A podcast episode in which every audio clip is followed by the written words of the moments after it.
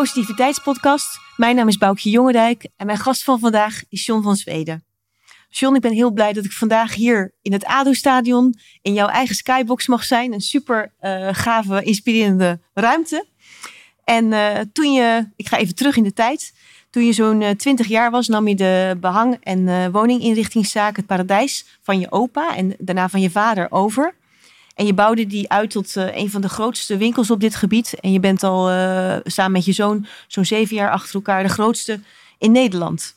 Um, je bent altijd een heel erg fanatiek voetbalfan geweest in hart en nieren. En je was zelf ook actief, als, onder andere als keeper. En je raakte verkrocht op een gegeven moment aan het Engelse voetbal. Je beleefde een enorm uh, voetbalavontuur toen je in 2002 met vijf anderen de gok waagde en 50.000 pond investeerde in de Engelse voetbalclub Swansea City. En toen die club bijna failliet was. En toen kwam de droom uit, want jullie hebben die club met je bestuur op hele hoge, heel hoog niveau gebracht, helemaal naar de Premier League. Nou, het is een soort uh, voetbalsprookje, een uh, jongensdroom.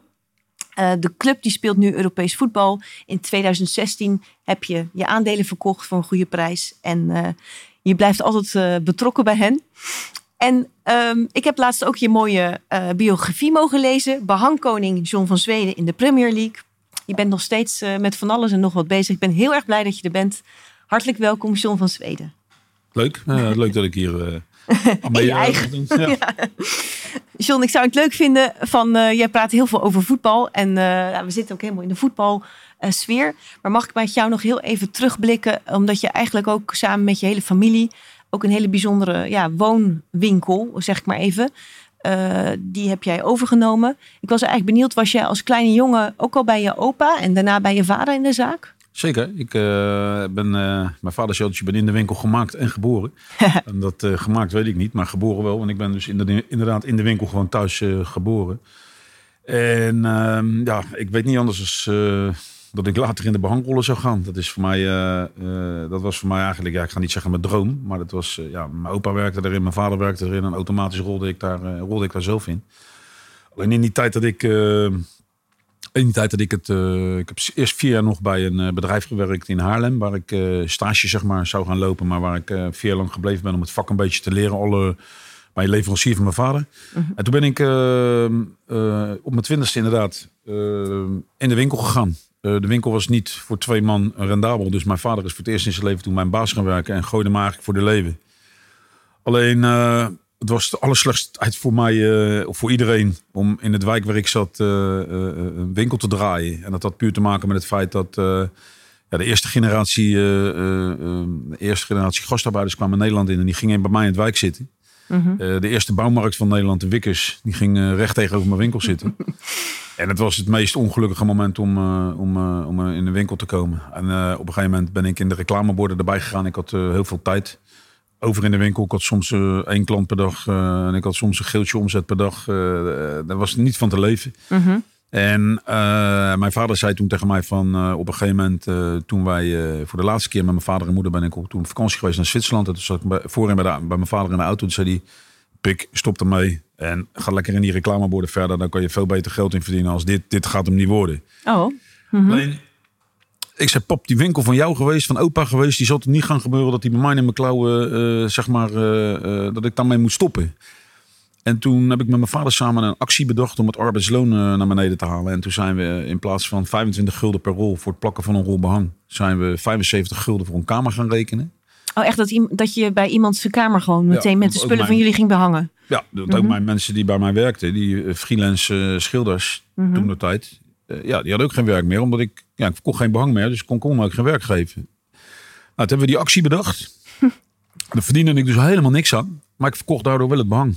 En mijn vader heeft er nog drie keer of één keer geïnvesteerd in drie, uh, drie aanhangwagens. Die hebben we op strategische plekken in Den Haag neergezet. Op nieuwbouwlocaties en op eentje langs de, de Boogaard. Een hele mooie doorgaande route. Oh, slim, ja.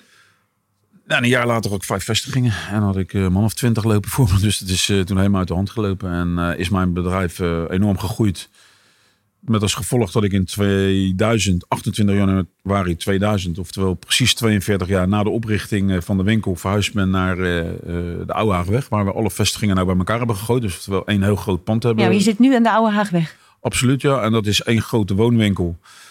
Ja, dat is nog meer behang geworden. Ehm, mijn zoon zit er nu al een jaar of zeven in. Mhm. Acht in denk ik al. En die heb ik 28 januari eh, van dit Ja. jaar de sleutels Ja. definitief gegeven. Dat was precies 65 jaar na de oprichtingsdatum. Oh, wauw. En vond ik het een mooie, ta- mooie dag om eh, te zeggen, jongen, hier heb je het en zoek het lekker uit. Eh, weliswaar ben ik nog steeds elke dag in de winkel, help ik hem nog steeds en vind ik het nog steeds leuk. Want ook mij krijgen ze niet uit de winkel weg. Zoals ook mijn vader eh, de winkel nooit uit is gegaan. Helaas is, die, eh, is eh, mijn vader wel overleden. Maar die heb tot aan de laatste dag, heb die bij wijze van spreken ook in de winkel gestaan. En mijn moeder, die nu 82 is, Die die loopt staat ook ook nog daar. steeds in de winkel. Dus het is geweldig dat je natuurlijk een winkel hebt gehad die heel klein begonnen is, als een heel klein snoepwinkeltje, zeg maar, eh, uitgebreid is tot, jij zei net zeven jaar, maar we zijn al tien jaar achter elkaar uitgeroepen tot de mooiste Zo. woonwinkel van Nederland. En dat vind ik nog belangrijker als de grootste. Maar eh, als jij natuurlijk eh, de mooiste woonwinkel van Nederland bent, we, we hebben ook een uniek concept eh, wat door niemand nagedaan wordt, wat ik totaal niet begrijp trouwens, maar dat is weer wat anders. Wij verkopen gewoon simpelweg alle merken. Dus wij kunnen, wij kunnen mensen zonder budget kunnen bij ons slagen. En mensen die, ja, die heel veel te besteden hebben. En we hebben eigen stoffeerders, behangers, eh, vloeren. We doen alles zelf. Dus ja, voor mensen die gaan verhuizen zijn wij de ideale winkel. En ja, ik ben er heel trots op dat ook mijn schoondochter nu alweer een jaar of zeven in de winkel leuk. staat. En je hebt eigenlijk dat oude concept dus ook gehouden nog. Om, eh, om ook te laten behangen en alles Absoluut, te het is laten doen. gebleven. Alleen die, Ja. we hebben nog steeds, eh, is, doen wij nog steeds die arbeidsloonprijs zo laag. Waardoor wij eh, ja, gewoon een uniek concept hebben wat niemand doet. Waarbij ik niks... de- de- de- ik vind het oliedom dat mensen niet mij naapen, maar ik vind het prima zo. Nou vind ik ook wat je daarna, we gaan straks over het voetbal hebben, maar eigenlijk in jouw hele verhaal zie je gewoon een, een ras-echte ondernemer eh, terug. Kan je Ja. gewoon, eh, kan je als je er wa- wat afstand van neemt, ehm, aangeven wat voor jou hele belangrijke dingen zijn om van een ondernemer succes te maken of van een onderneming? Nou ja, zelf, kijk, als jij natuurlijk... eh, ik, ik hoor wel eens... eh, hoorde in het verleden, en ik hoor dat nu ook bij mijn zoon trouwens. Kijk, er zit heel veel jaloezie bij, bij mensen. Kijk, ik heb bij mijn vader en moeder een prachtige jeugd gehad. Zeg ik gewoon in alle eerlijkheid. Dat kon me niet betere vader en moeder wensen. Maar ik heb, het is nooit breed geweest. We hebben nooit echt, eh, echt een brede, brede dingen gehad. En eh, ja, die winkel van mij die is, eh, die is helemaal uit de hand gelopen. En daar verdienen we gewoon een aardige boterham aan.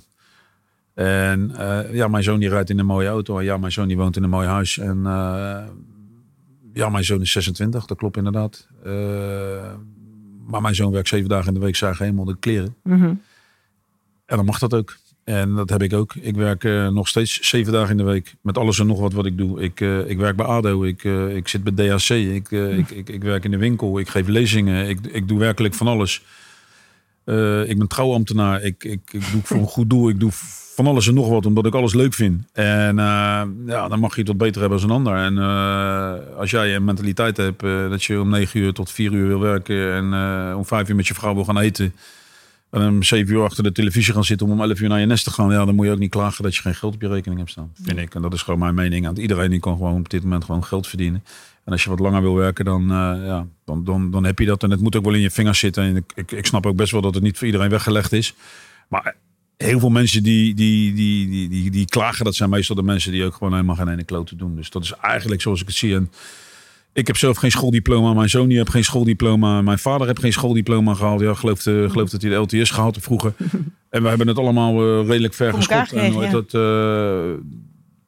als je maar wil, dan denk ik dat, dat dat het allerbelangrijkste is. Ja, dus als je wil, in jezelf gelooft, doorzet, uh, niet Doorzet. opgeeft. Niet opgeeft. Ik maak en, ook wel eens eh, fouten. En denk ik ook wel, als ik jullie verhaal ook hoor van toen het, uh, jullie in het moment zaten met veel concurrentie en moeilijk, dat je een creatief concept hebt bedacht. Dus dat je af en toe ook gewoon wel out of the box moet denken. Ja, nou, mijn vader, ik hoor, ik hoor het jou nog zeggen. Ja. Ik zei van pap 75 gulden per kamer. Even normaal nou. Zeg, pap, als we dat nou doen, dan verdienen we er niks aan. Die behangers die hebben wat minder geld dan dat Ja. ze normaal hebben. Dan is die behangers blij, ik blij. En laten we kijken waar het schip strandt. Oké, ik ga doen, maar eh, ik zie er niks in. Hij koopt drie aanhangers voor me. En wat ik al zeg, de rest is eh, geschiedenis. Mhm. Dus ja, het is een eh, gok geweest die ik eigenlijk heel impulsief bedacht heb. Ik heden ten dagen nog steeds doe. Ik heb daar geen vrienden mee gemaakt. Want toen ik in 2000 eh, de winkel op de Oude weg begon. En van, en van eigenlijk van de een op de andere dag eh, de grootste behangwinkel van Nederland was.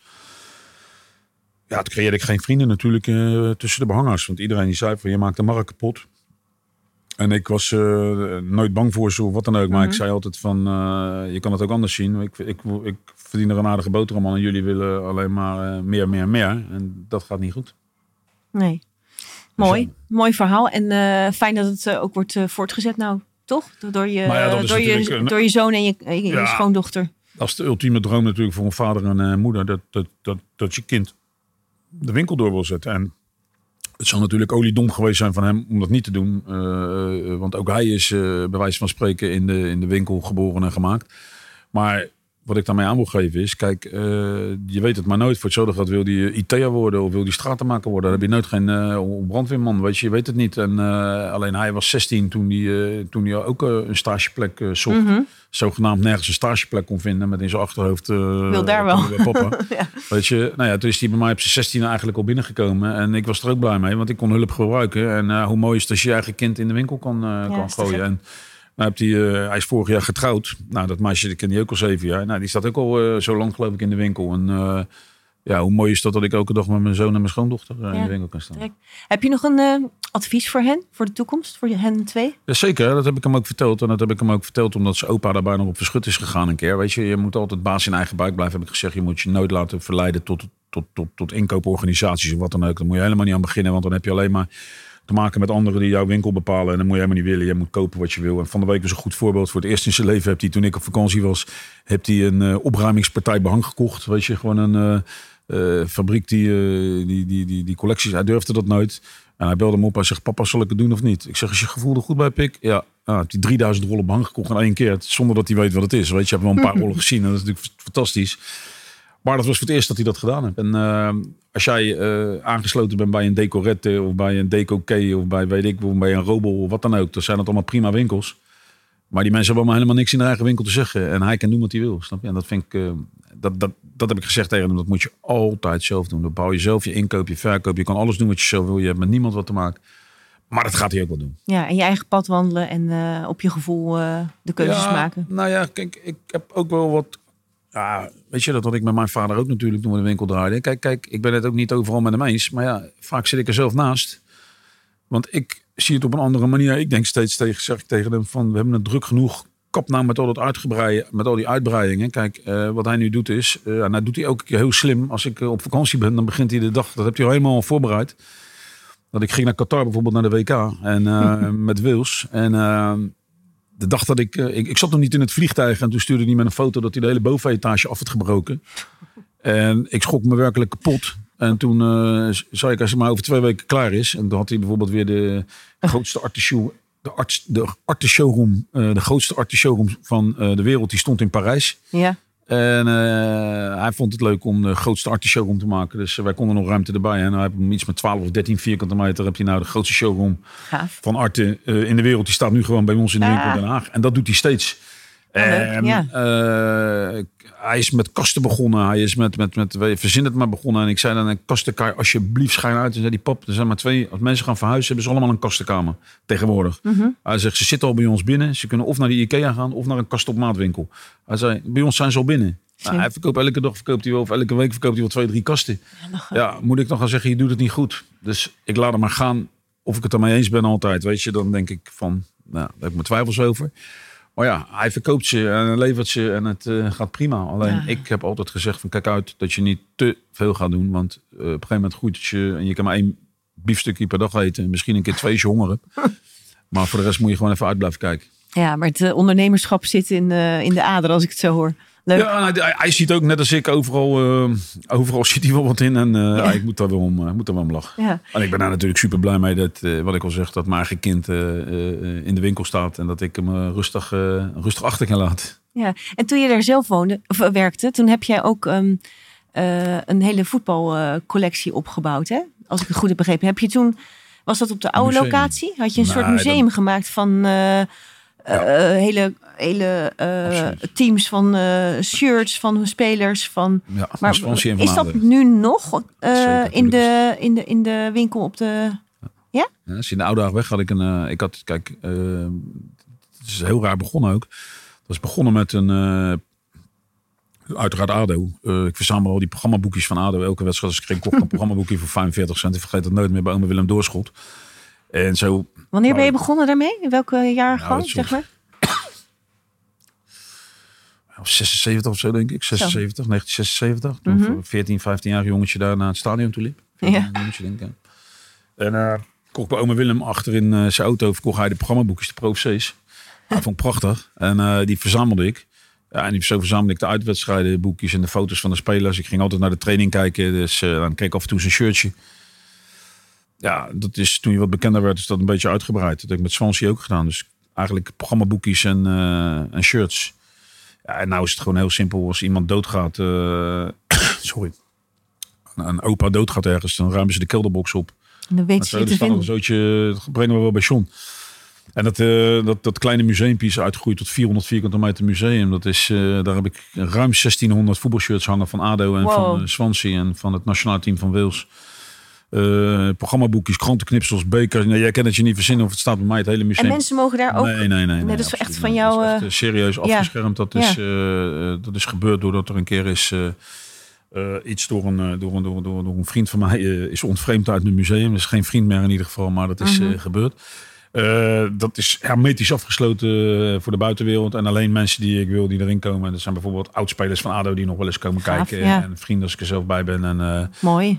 Eh, die mogen daar kijken. En nooit dat de doelstelling is uiteraard eh, om dat ooit eh, bij ADO tentoon te stellen. Dat heb ik een keer gedaan. Echter, toen werd het door de toenmalige eigenaar ja, werd het niet goed beschermd. Ik bescherm het met mijn leven. En hij flikkerde het achter enkel glas raampjes neer waar iedereen bij kon. Dus dat heb ik gauw weer teruggehaald. Mhm. Maar natuurlijk een unieke, unieke Ja. collectie. Ja, zeker. En dat heb je zelf helemaal aangelegd met hulp van mensen die weten dat je dit doet. Ja. Mooi. Ik zit elke dag... Zit je elke e- dag, elke dag even? anderhalf uur daar in het eh, museum te zitten. En dan de ene Ja? dag ben ik met eh, wedstrijdkaartjes bezig. De andere dag met shirts. En dan zet ik het weer op een database neer. En dan eh, maak ik er weer... ja, ik- Maar is echt, echt je passie. het is een hobby. Ja. Het is niet echt mijn passie. Want mijn passie het is, het is geworden. Maar ik... Ja, wat ik al net tegen je zeg, ik vind, eh, ik vind alles in mijn leven leuk eigenlijk. Of bijna alles leuk. en eh, dat vind ik ook leuk. En als ik bijvoorbeeld in de winkel een paar bonnen heb uitgerekend, dan eh, pak ik vaak een bak koffie en loop ik even lekker daar toe. zitten. Ja. En dan trek ik me even terug en dan ga ik weer een paar fotootjes erbij doen. En dan heb ik weer een paar tassen gekregen en die flikker ik weer erbij. En dan ga ik weer in de goede jaartallen. En ik zet alles in een database neer, zodat het ook precies weet wat waar ligt. Ja, dat is geweldig. Maar goed, wat ik al zeg, het zit maar acht uur in een dag om te Ja. werken. Je moet keuzes niet. maken. Ja. en zelf ben je als kleine jongen ook begonnen met voetbal? En, en eh, de liefde voor ADO en alles, is dat ook op, op jonge leeftijd ontstaan? Ja, absoluut. Eh, we gaan voetballen bij VCS. Mijn hele familie voetballen bij VCS. Mhm. Eh, op zondags naar ADO kijken. Mhm. De ene week ADO, de andere week Hollandsport. Zelfs dat kan ik me nog herinneren. Weliswaar heel minimaal. Omdat ik was een jaar of vijf, zes, zeven tot Mhm. mijn tiende denk ik. Ene week naar Hollandsport, de andere week ADO kijken. mijn vader en eh, mijn oom altijd. Mijn opa ook vaak mee. Ja, en ADO is gewoon na mijn familie mijn belangrijkste uit mijn leven geworden. Ik heb met ADO gewoon de mooiste dingen meegemaakt. En Europees voetbal gespeeld. Eh, wat ik al zeg, ik heb, ja, ADO is gewoon mijn leven. En ik ben ook heel super trots dat ik hier ook mag werken en mag, eh, mag zijn. Ja, het is ook echt heel dus leuk. ook, ook ja. een droom die uitkomt. Want je kan daar natuurlijk wel makkelijk en simpel over praten. Maar natuurlijk wel, ook dat mag ik doen namens ADO Den Haag werken. En eh, ja, dat dus ik lekker hier in het stadion. Ja, het is- eh, het een is- stadion het is waar, ik, eh, waar mijn club speelt. eh, ja, dat, en dat vind ik dus ook leuk. Nou, dan kom ik ook tot rust, zeg ik heel eerlijk. Want ik werk hier, eh, wat ik al zeg, probeer je twee dagen van de week eh, drie uur te zijn ongeveer. En dan zit ik net op dat plekje wat ik je net laat zien. En dan Ja. eh, pak ik een bakje koffie erbij. Dan ga ik mijn werk doen. En ik kijk naar het stadion. En er zit er niemand in het stadion. Maar dat vind ik... Ja, alleen dat vind ik ook Nou, er zijn weinig mensen met zo'n eh, werkplek, hè? ik bedoel, eh, dat Ja, is eh, erg uniek. Ja, zeker wel, ja. Echt heel uniek. Ehm, op een gegeven moment heb jij ook je grenzen verlegd helemaal naar het buitenland, naar Engeland. Hoe ben jij in, ja, in de Engelse voetbalwereld terechtgekomen? Ja, natuurlijk ook een pure toevalligheid. Ik, is, ik ben een voetbalman, ik ben een voetballiefhebber. Ik was nooit een uitgaander, een kroeggeloper of wat dan ook. Dat was voor mij niet, eh, niet besteed. Ik, ik keek altijd eh, als klein jongetje Match of the Day eh, op zaterdagavond thuis met mijn vader en moeder. Ja, En eh, op een gegeven moment werd ik 16 en toen kreeg ik, eh, ja, zoals veel vaders en moeders niet weten wat ze de kind moeten geven. Dat is elk jaar een probleem, maar dat was toen al een probleem. Toen kwam mijn moeder op het geniale idee, eh, die zei tegen mijn vader ga lekker met die een weekendje naar Engeland toe. Toen had Voetbal International wat van die eh, georganiseerde reisjes eh, naar Londen. oh joh, ja. En toen ben ik met mijn vader op een zaterdag naar Chelsea Manchester United gegaan. En eh nou deed het toeval zich voor dat in die tijd, dat was de eind 70, begin 80 jaren, toen waren de hooligans die waren nogal in opkomst. Mhm. En er werden risicowedstrijden werden om 10 uur gespeeld. Dus dat, eh, sorry, 12 uur gespeeld. Dat noemden ze zogenaamde morning kick-off wedstrijden. Want toen Oh, eerder zo'n dus, wedstrijd eh, begon, gewoon in de middag. Gewoon eh, ja, in overdag. plaats van drie uur 's middags werd hij om Oh ja? 12 uur Mhm. gespeeld. En waarom deden ze dat? Hoe- minder drank erop was, hoe minder kans op rellen er was. Mhm. waren. Maar toen was het vijf minuten voor tijd was het eh, 2-2. En ik zat te genieten. De mooiste minuten van de wedstrijd moesten komen. En mijn vader die trok met het stadion uit. 45, 50.000 mensen in het stadion. En hij wou als eerste naar buiten. Ik zei, pap, even serieus. Weet je. Mhm. Ja, die oude was niet te vermurwen. We liepen naar buiten. We gingen als eerste naar buiten. En eh, voordat ik het wist, zat ik in de metro op weg naar de andere kant toe. Oh. Eh, tien minuten bij Chelsea vandaan speelt Fulham. En die speelde twee divisies lager tegen Swansea City. En daar had ik nog nooit van gehoord van allebei die clubs. Maar mijn vader had zijn huiswerk goed gedaan. Er zijn 16 clubs in Londen. Oh. En hij dacht, als ik nou vroeg het stadion uit ben, dan heb ik Oh, vroeg nee, ding. En dus we hebben een tweede wedstrijd gezien om drie uur. Ach, Maar wat ik net zei, ik zat nog op school en eh, we hadden een proefwerk gemaakt. Engels, dat was een beetje slecht gegaan voor iedereen. En de meester werd boos en die gaf ons een opdracht om een penvriend te gaan zoeken. wat een leuke opdracht trouwens. Ja, dat was een hele leuke opdracht. En eh, al mijn vrienden stuurden brieven naar, eh, naar allemaal voetbalclubs. Want iedereen was voetbalfan. En die dachten, nou dan stuur ik een brief naar een voetbalvereniging. kom ik in een programmaboekje te staan. Maar ja, ik dacht, ja, als iedereen dat doet. En ze sturen dan naar Manchester, Chelsea, Liverpool, die grote clubs. Je dacht, gaat ik, nooit goed ik doe iets anders. Ik denk, ik doe het naar Fulham. ja. Of naar Swansea of naar allebei. Dus ik stuurde twee brieven naar Fulham en naar Swansea. En in Swansea, eh, daar wordt die brief eh, twee weken later wordt die in het Oh, programmaboekje echt een afgedrukt. programmaboekje, een soort oproep van eh, ik wil met iemand... Ja, er stond een advertentie van mij in van Dutch van John van Sweden from Den Haag. look for a penpal. Maar dan reageerden twee, twee mensen op een jongen en een meisje. Nou, die jongen, dat is mijn beste kameraad geworden. Ja, geweldig. die besloot in 2002, eh, toen de club in, eh, in de shit was. Die eh, was verzekerd. Die had, zoals ik in de bank zat, zat hij in de verzekering. En zijn vader was een verzeker, grote verzekeringsman. En de eigenaar die was toen een Australiër die de club verkracht had. En eh, nou, die moest eruit gezet worden. Er werd toen een rechtszaak aangespannen. En voor 250.000 pond moest die man weg. Maar toen waren er vijf mensen, ik volgde dat natuurlijk heel goed. Vijf mensen, waaronder mijn kameraad, die had dat opgezet. Die eh 50.000 pond in die club stopte. En alle 15 jongens die dat deden, die kon ik allemaal. Allemaal lokale kleine bedrijfjes die eh 50 roodjes erin stopten in die club. En, eh, en, jouw, en jouw vriend heeft jou toen en mijn gebeld? vriend heeft dat toen gedaan. En, heet dat, en toen gebeurde het ongelofelijke. Die rechtszaak die was op vrijdagmiddag om 4 uur. En dat waren vijf jongens die dat, die dat gingen doen. Ja. En op eh, donderdagavond om half elf belde hij helemaal in paniek mij op. Dat er één afgehaakt had op het laatste moment. En of ik, eh, of, of ik 50.000 pond had. Maar dat was 75.000 euro. Ja, ik- ik zit in de behangrol. Het ligt niet in mijn kastje. Zo. Mhm. Ja, toen heb ik, eh, en mijn vrouw stond naast me, dus dat werd ook niet dat ik gelijk zei van nou kom eraan. Toen heb ik de hond uitgelaten en een rondje gaan lopen. Ik zei David, waar haal ik zo snel dat geld vandaan? En eh, Mhm. hoe krijg ik dat überhaupt zo snel in Swansea? Want dat is gewoon met de auto 10 uur rijden en vliegveld hebben we daar niet. Dus Oh, je moest was- het echt brengen, ja. ja, het moest er de volgende dag om, eh, nou ja, brengen. Het moest, het moest er de volgende dag moest het er zijn om, om vier uur. En ik moest er zijn. Hoe ga ik dat zo snel regelen? Nou, toen ben Maar ik, je had dan direct besloten van Nee. dit is hem. nee, Nee. ik ben eh, gaan slapen s'avonds. Maar ja, ik kon niet slapen. Nee. En toen ben ik eh, heel vroeg opgestaan, wat ik wel vaker deed. En toen ben ik naar de winkel gegaan. En ik heb natuurlijk genoeg mensen in de winkel werken. Ik ben naar de winkel gegaan, mijn bedrijfsleider ingezijnd van eh, de kans dat ik vandaag niet kom, die is redelijk aanwezig. De kans is dat ik naar Engeland ga, maar zeg tegen niemand wat.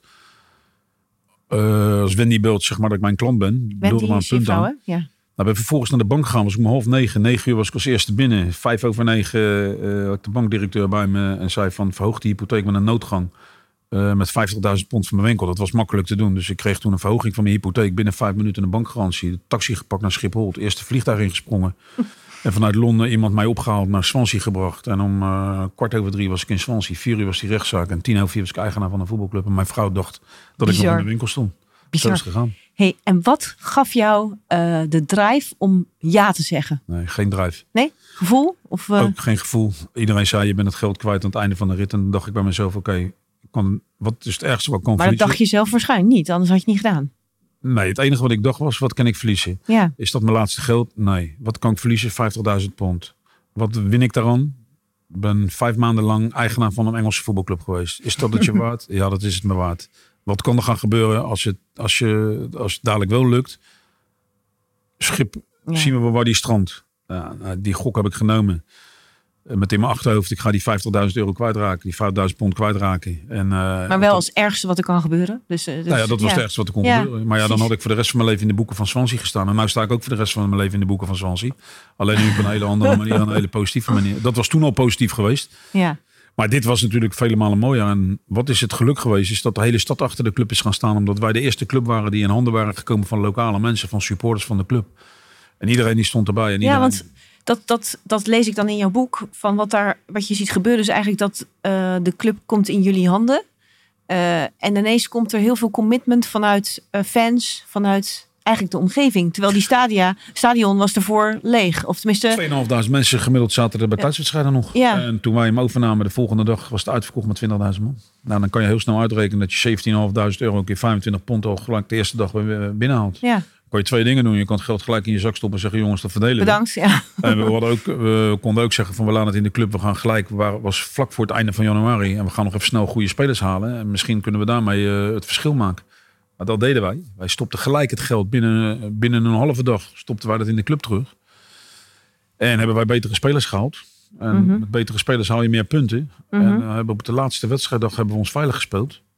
Waardoor we dus niet degradeerden. Dus dat was sowieso nog een extra jaar voor ons. Want je zat toen midden in het seizoen eigenlijk toen dat gebeurde? Of, ja, het half seizoen was januari kocht ik het en in uh, mei speelden we ons veilig. Zo. En toen zijn we het volgende jaar hebben we een half jaar, uh, of hebben we het hele seizoen uh, halverwege de league gestaan, zeg maar in het midden. Hebben we een mooi jaar gedraaid, een beetje middenmoot gedraaid.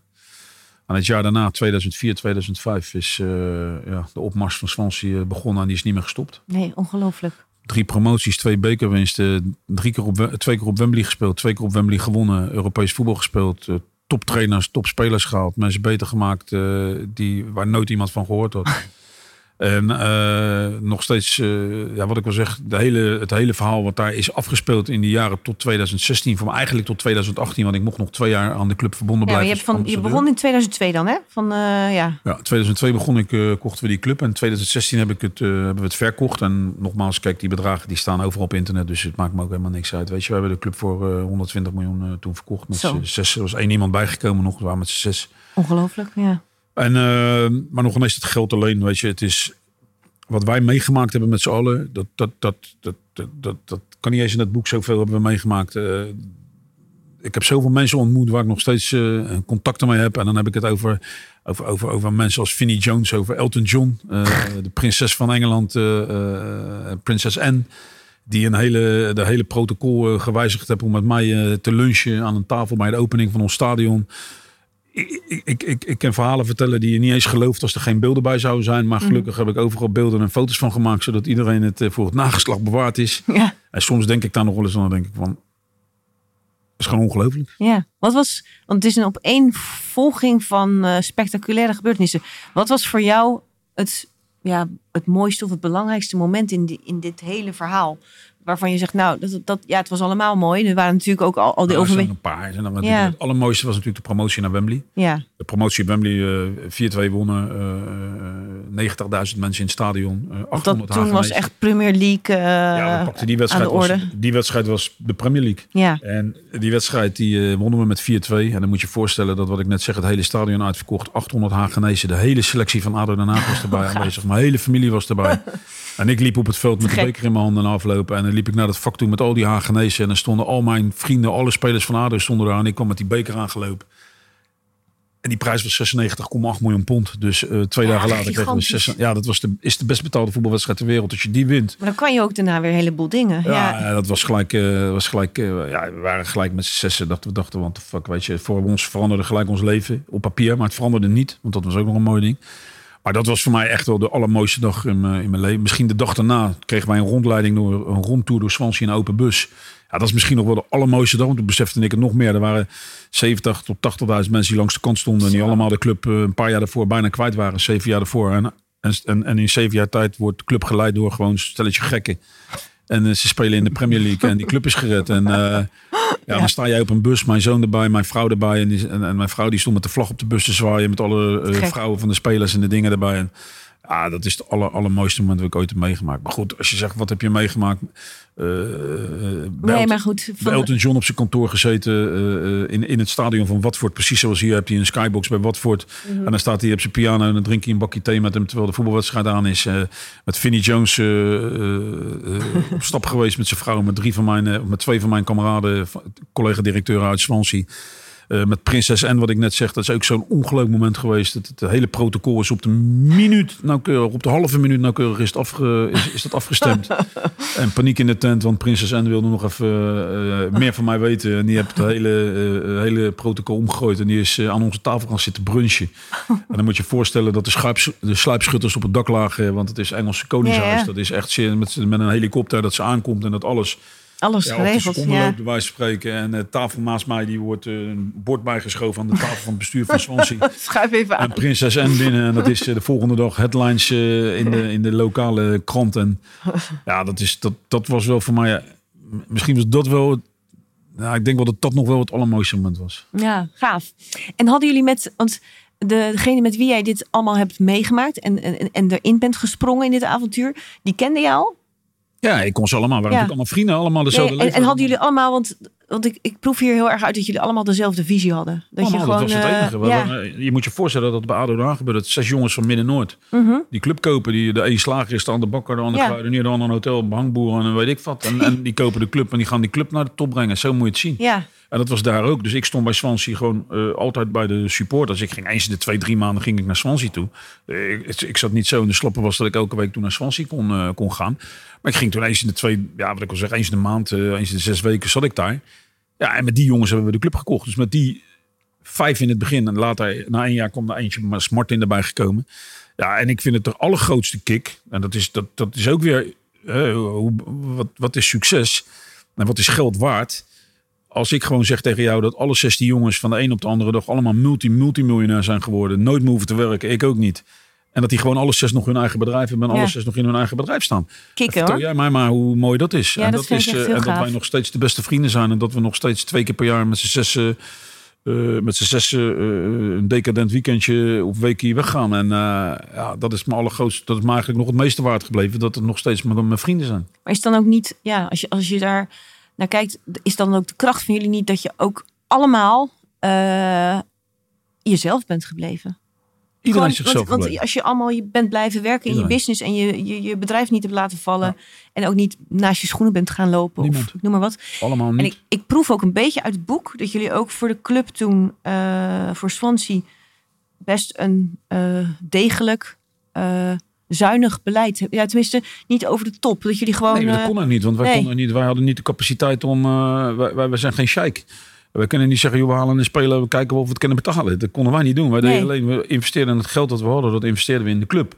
En wij hadden niemand haalde wat eruit. Mijn vrouw zei wel eens tegen mij van John, even serieus. Je bent gewoon elk weekend ben je weg. En je bent elk weekend ben je gewoon 500, 600 kwijt. En dat is echt waar. Dat was ik gewoon echt kwijt. Niks wordt uit de club gehaald. Hotel niet. Uh, uh, ja, maar eten in het stadion en dat soort dingen. Maar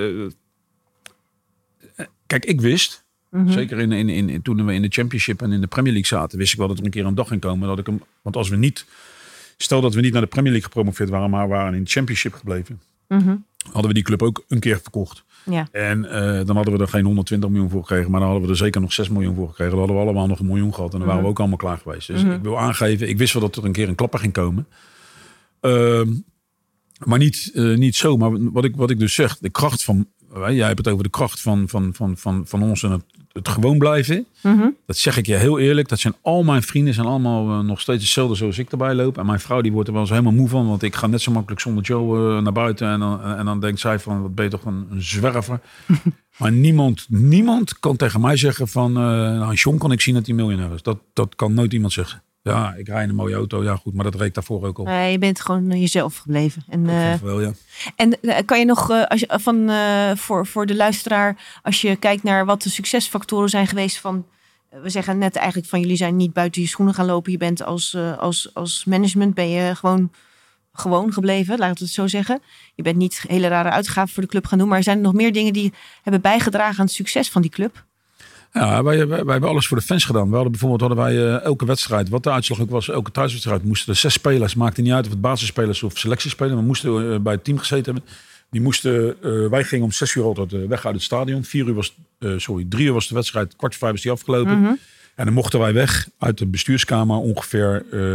we moesten wachten tot het laatste bestuurslid van de tegenstander wegging. En dan mochten wij ook weg. Oh. Nou, meestal was het zo kwart voor zes. Mm -hmm. En dan gingen wij naar uh, Martin, een van die, uh, een van die kameraden van mij, is uh, zijn hotel in. Mm -hmm. En daar had hij een restaurant bar had hij zitten. En daar verzamelden eigenlijk altijd alle supporters. En lieten wij altijd elke dag elke keer zes spelers heen komen. Die moesten daar dan om zes uur kwart over zes zijn. Nou, en dan uh, als je verloren had, dan werd er, uh, weet je, dan konden de supporters gewoon lekker gallen. Uh, maar dat moest dan binnen 10 minuten weer afgelopen zijn. En dan gingen ze daarna om 7 uur ging iedereen de stad in. Dat was dan in de straat. Wij zijn ook uitgeroepen vijf keer achter elkaar. Dat kun je ook terug, uh, terugzoeken. Dat is in 2007 geweest tot 2012. Zijn we sup, uh, fan, supportersclub van, van het jaar geworden. Mm -hmm. Omdat we alles deden voor de fans. Alle plekken in het stadion hadden één prijs. Uh, ook de uitsupporters. En dat is al heel uniek. Want overal in elk stadion worden de uitsupporters getackeld. Weet je, die krijgen ja. de duurste kaarten terwijl ze de slechtste plekken hebben. uh, wij hielden iedereen eretribune achter het doel. Alles was één vaste prijs. En wij rekenden uh, in de Premier League 25 pond voor een kaartje. En als je dan weet dat 75 pond het gemiddelde in een kaartje is in mm. de Premier League. Hielden wij het, hielden wij het op 25, 25 pond voor elke rang. Ja, daar maakten we natuurlijk ook heel veel vrienden mee. Ja. En daar kreeg je ook goed stadion vol. Ik zal nog sterker vertellen. Ik denk ook dat we daar heel veel geluk mee gehad hebben met scheidsrechters. Wij hebben, iedereen vond ons aardig. Iedereen vond, ons, uh, iedereen vond, ons, vond het verhaal geweldig. En wij hebben, ik ga je dat simpel vertellen. We zijn twee keer op Wembley hebben we, uh, hebben we met 4-2 gewonnen. Twee penalties gekregen. Ik weet nog steeds niet waarom, maar we kregen ze wel. Uh, en ik denk dat heel veel scheidsrechtelijke beslissingen in ons voordeel zijn geweest.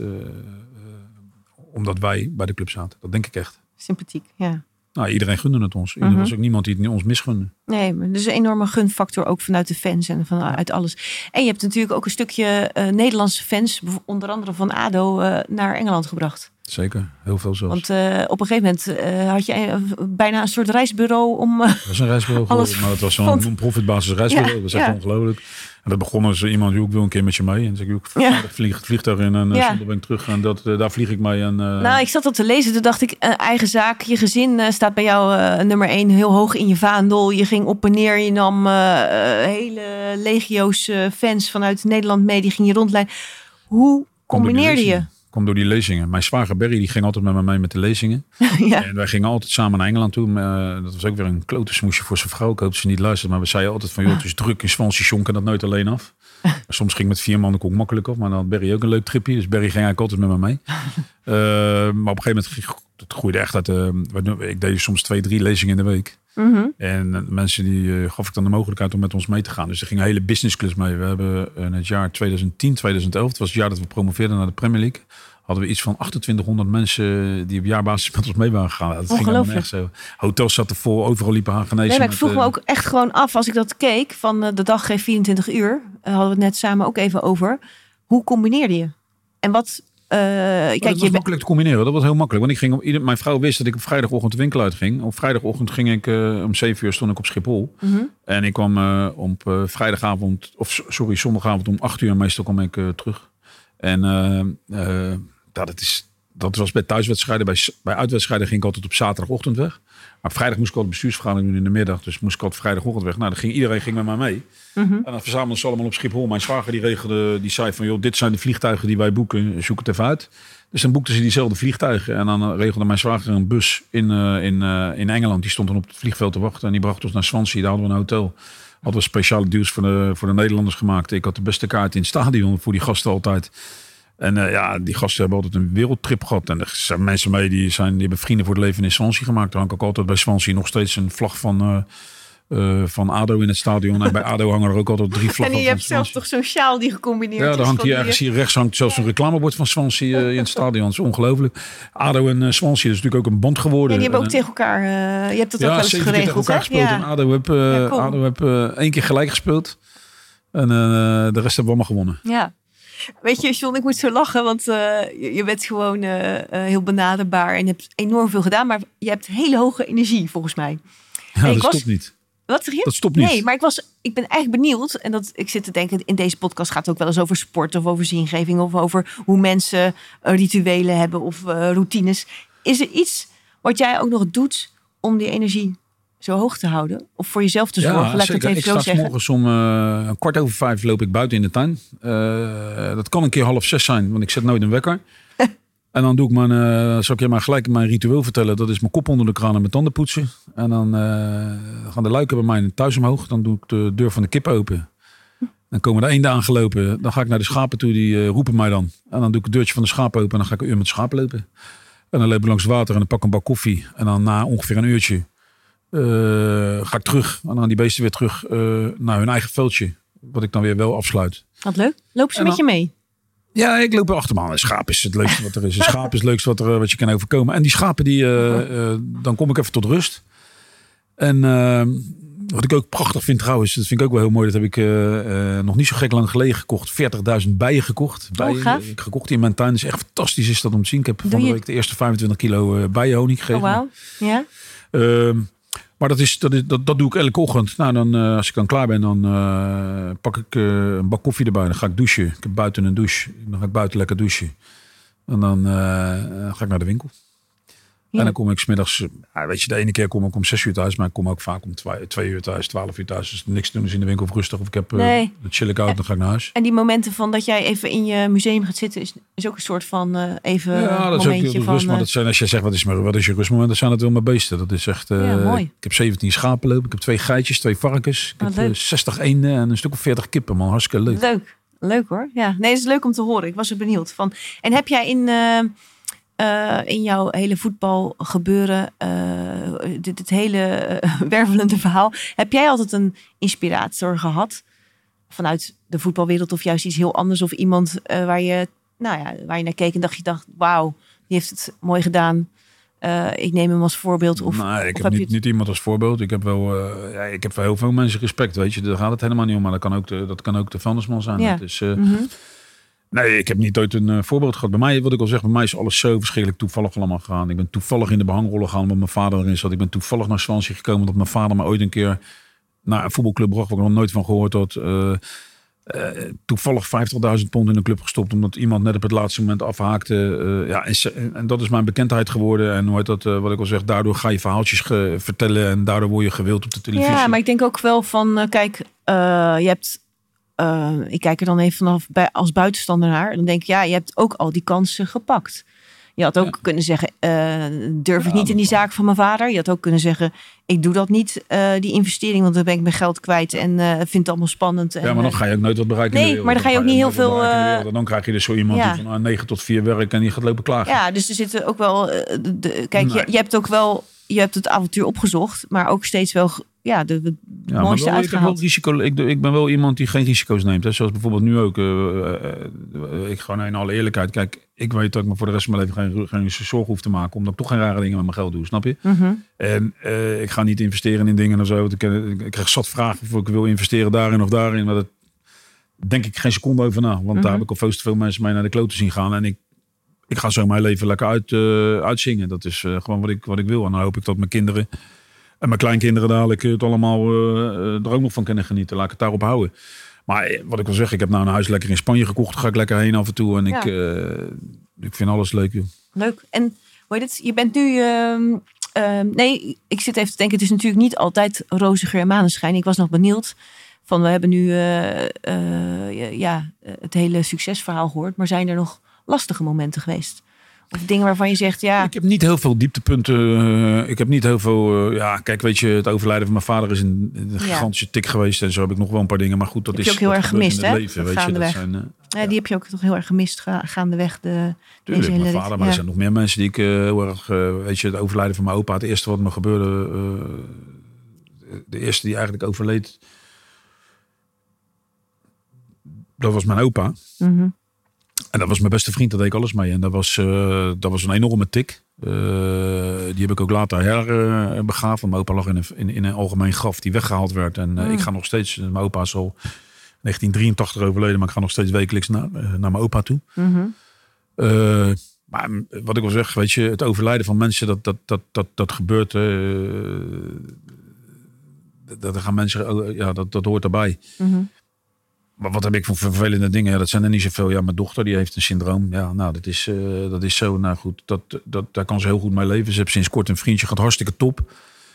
En daar ben ik ook blij mee dat ze er, eh, dat ze er vol voor gaat allemaal. En eh, ja, dat is vervelend. Ja. Maar ja, Nee, ik bedoelde meer of je ook in die voetbalwereld of in de zakelijke wereld dat er dieptepunten zijn geweest. Nee. Nee. niet echt. Nee, hè? niet Nee, echt nee, dingen van, waarvan ik zeg van... Nee, hè? Van, maar Nee, dat, is, dat ook mooi. Ja, wie goed doet, goed ontmoet vaak, Ja, eh, ja, ja. denk ik. Hoe was het voor jou om eh, in 2016 eh Swansea te verkopen? Was het moeilijk? Of was het tijd? Nee, dat is makkelijk. Was ook, dat gebeurde heel onverwachts. Wij, eh, die- wij, wij, die wereld die was niet meer, eh, die was, die, die is nog steeds niet, eh, niet oké. Dat is eh, gewoon een debiele wereld geworden natuurlijk met biele bedrag.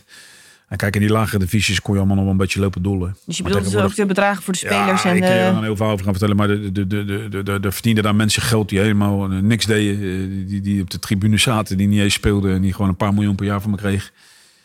Van ons kreeg. Eh, Die wereld die vonden we allemaal niet meer helemaal oké. En wij hadden, er was toen iets gebeurd op een vrijdag met, een, met, een, met twee zaakwaarnemers. Daar ga ik je verder niet over lastigvallen. Nee. Maar dat was in ieder geval, heb ik geloof ik drie keer met mijn hoofd tegen de muur geslagen toen ik in mijn hotel aankwam. Van hoe hebben we dit kunnen doen? En eh, een week later hadden we een bestuursvergadering op vrijdag. En toen waren alle minutes van de, van de tafel eh, geveegd. De agenda was eh, totaal weg. De voorzitter zegt, we got one point today. And that's, uh, uh, I want to sell the football club. En dat zei de voorzitter.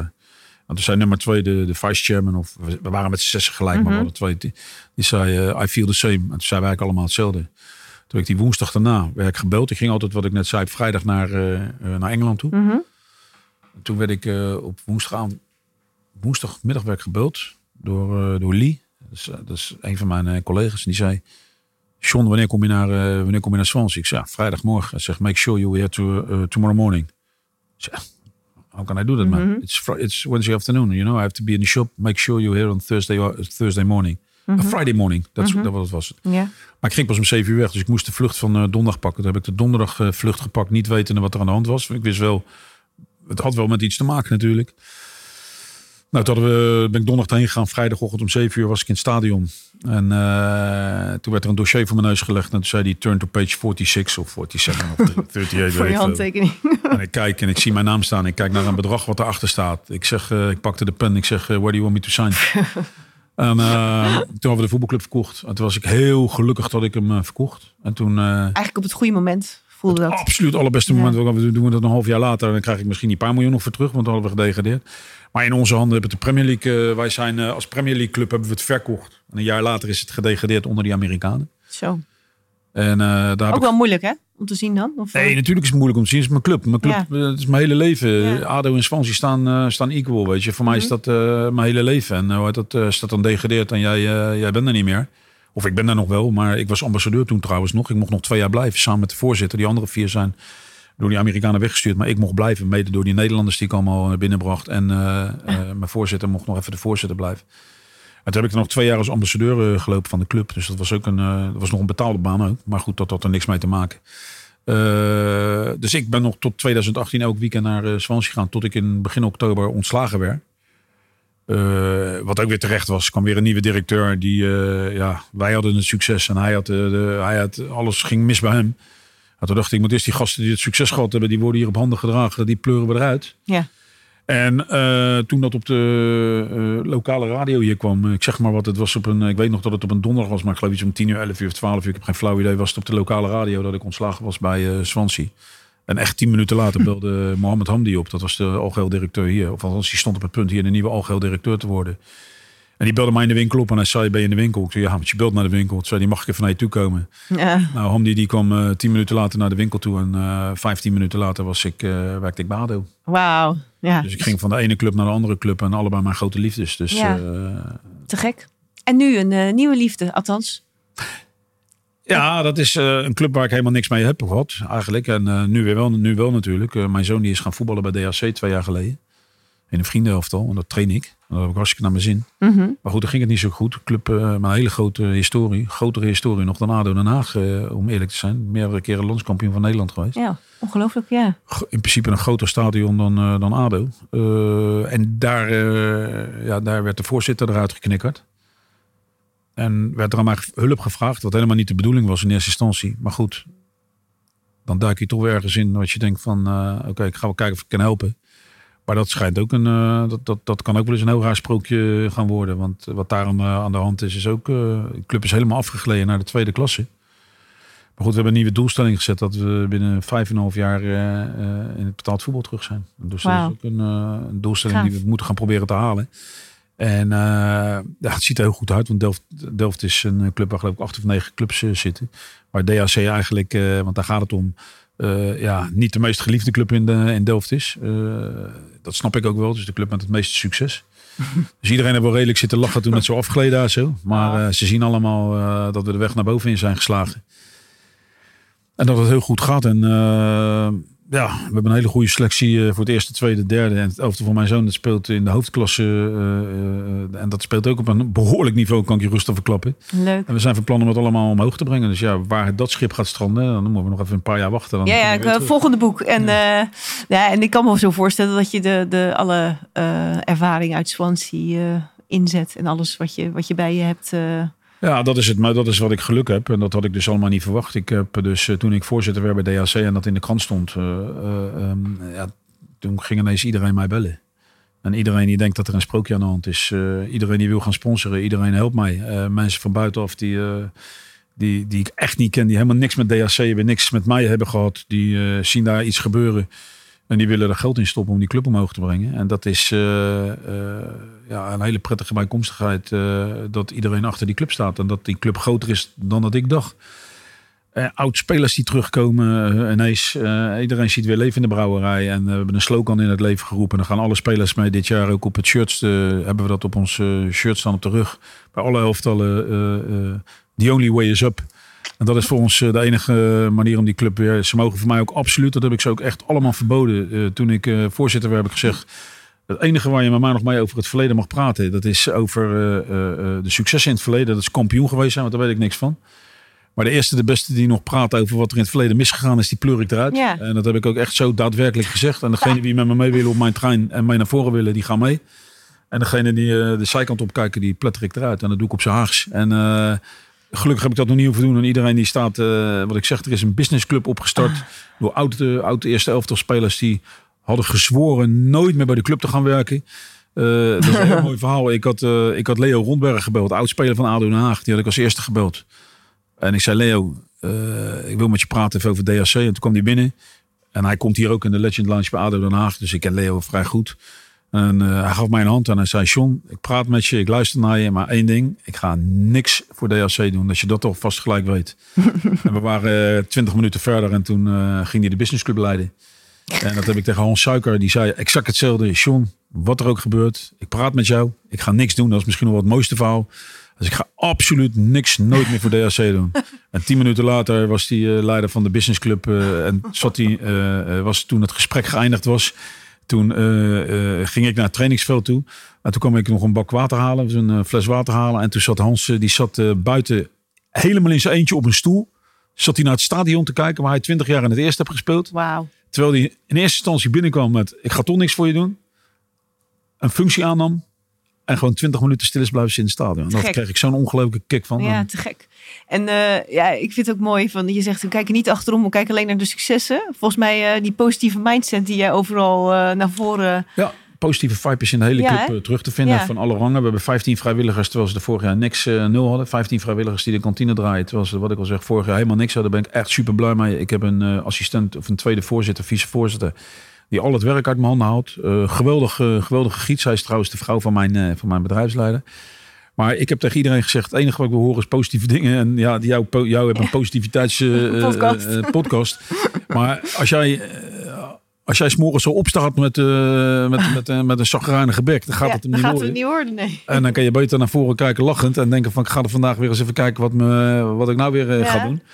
En dat werkte echt, geloof me nou, echt honderd, honderd keer beter. En uh, als ik nu naar DHC rijd en je kan nu met me meerijden, waar normaal gesproken helemaal niemand is om deze tijd, kan ik jou met jou wedden dat er gewoon buiten op het terras naar mensen het zonnetje zitten. Ja, dat weet ik zeker. Dat is gewoon een hele nieuwe vibe. Hele nieuwe club ik, uh, In dit kader heb ik nog een kleine Oké, okay, nou, ben benieuwd.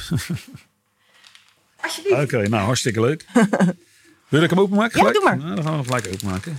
Want uh, volgens mij wat er op de shirt staat is, dat is jouw uh, lijfspreuk. Ja, en die lijfspreuk die is zo gekomen omdat uh, dat, die, die schoot me echt te binnen. Op het moment dat ik zoveel slechte dingen over de club had gehoord, zei ik: The only way is up als laatste. En ja, The only way is up, John van Zweden, ja, dat is inderdaad een hele mooie. En daar ben ik echt super blij ja, mee. Hartstikke leuk. Geef me een mooi plekje. Ja, ik hoop dat jullie inderdaad mooi succes weer gaan behalen. Ik ben heel erg blij met je verhaal. Ik hoop dat eh, jij met al je energie nog hele mooie dingen gaat doen. Ja. Als mensen nou meer van je willen weten, eh, je hebt een gave film, maar kan je nog wat, wat eh, dingen noemen? Een Nou, websites of... Nou, eh, ik geef heel veel lezingen. Ja. dat kan je gewoon als je googelt, dan, kun je, Mhm. dan zie je mijn lezingen staan. En daar geef ik door het hele land lezingen waar iedereen altijd bij kan, bij kan zijn. Ja, dat zijn gewoon hele mooie dingen. En als mensen echt een keer wat leuks willen zien, dan nodig ik ze uit om op zaterdagmiddag naar DHC te komen. Want ik, daar gebeuren op het ogenblik hele leuke dingen. En daar ben ik ook zaterdag eh, aanwezig. Heel erg hartelijk bedankt. Graag gedaan. En eh, het ga je heel goed. Leuk, jullie ook. dankjewel. Bedankt voor het luisteren. Wil je meer inspiratie en een vleugje positiviteit van de mooie gasten die ik interview? Abonneer je dan op het kanaal waar jij het liefste luistert op de Positiviteitspodcast. Ook op mijn website boukjejongerijk.nl kun je alle afleveringen terugvinden. Fijne dag en tot over twee weken.